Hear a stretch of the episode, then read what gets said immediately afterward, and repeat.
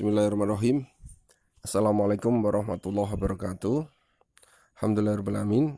Wassalatu wassalamu ala nabiyina Muhammad wa ala alihi wa ajmain. Amma ba'du.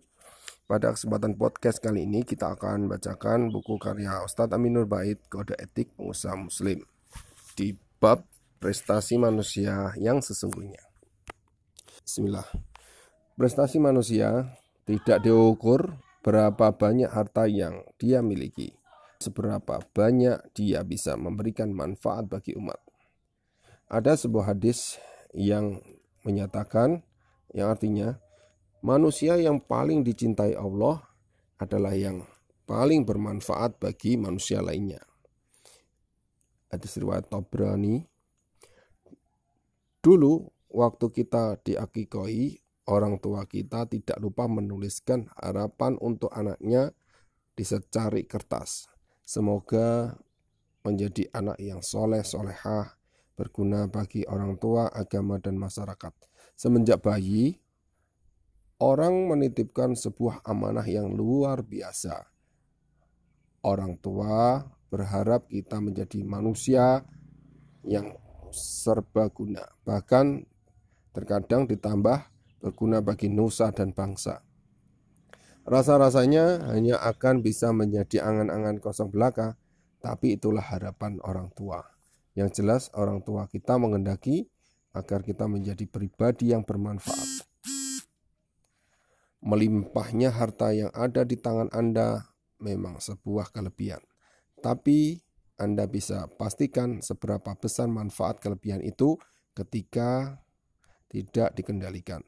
Coba Anda bayangkan ketika Anda berkelimang harta, sementara hanya Anda yang bisa memanfaatkannya dan orang lain hanya bisa melihat. Bisakah dikatakan bermanfaat? Bagaimana cara mengendalikannya?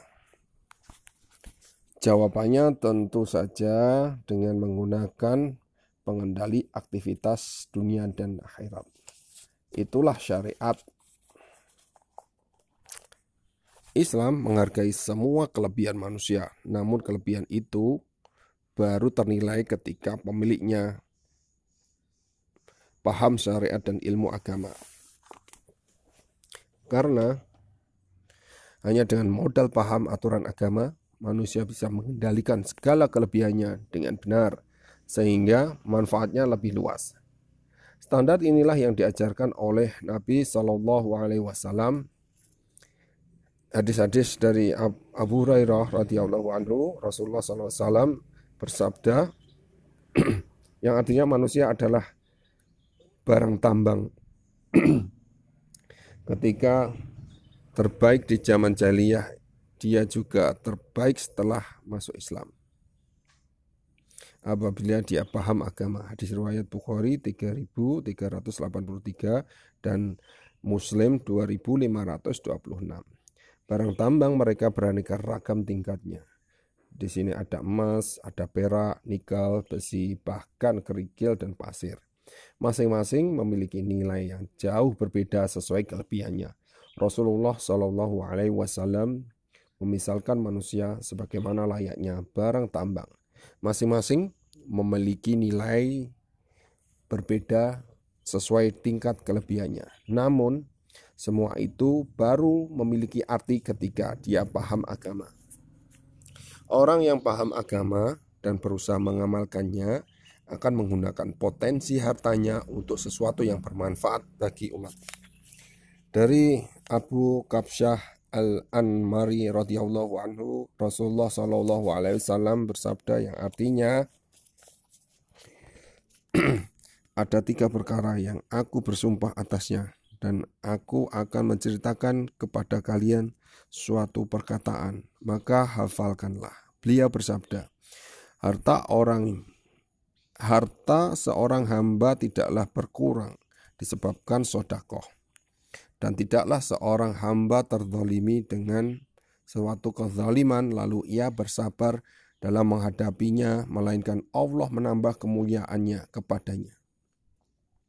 Dan tidaklah seorang hamba membuka pintu untuk meminta-minta kepada orang lain, melainkan Allah akan membukakan baginya pintu kefakiran. dan suatu kalimat semisalnya. Dan aku akan sampaikan kepada kalian satu perkataan kemudian hafalkanlah. Beliau bersabda, sesungguhnya dunia ini hanya milik empat golongan saja. Pertama, seorang hamba yang dikarunia harta dan ilmu kemudian ia bertakwa kepada Robnya, menyambung silaturahmi dan mengetahui hak-hak Allah. Inilah kedudukan yang paling mulia. Yang kedua, seorang hamba yang dikarunia ilmu tapi tidak dikaruniai harta. Kemudian dengan niat yang tulus ia berkata, "Jika seandainya aku mempunyai harta, maka aku akan beramal seperti amalnya si fulan itu." Dengan niat seperti ini, maka pahala keduanya sama. Yang ketiga, seorang hamba dikaruniai harta namun tidak diberi ilmu. Lalu dia membelanjakan hartanya secara serampangan tanpa dasar ilmu. Ia tidak bertakwa kepada Robnya dan tidak menyambung silaturahmi dan tidak mengetahui hak-hak Allah, maka ia berada pada kedudukan yang paling rendah. Dan yang keempat, seorang hamba yang tidak dikaruniai harta dan juga ilmu oleh Allah Ta'ala. Lantas ia berkata, kalau seandainya aku memiliki harta niscaya, aku akan berbuat seperti yang dilakukan si fulan, maka ia dengan niat itu menjadikan dosa keduanya sama.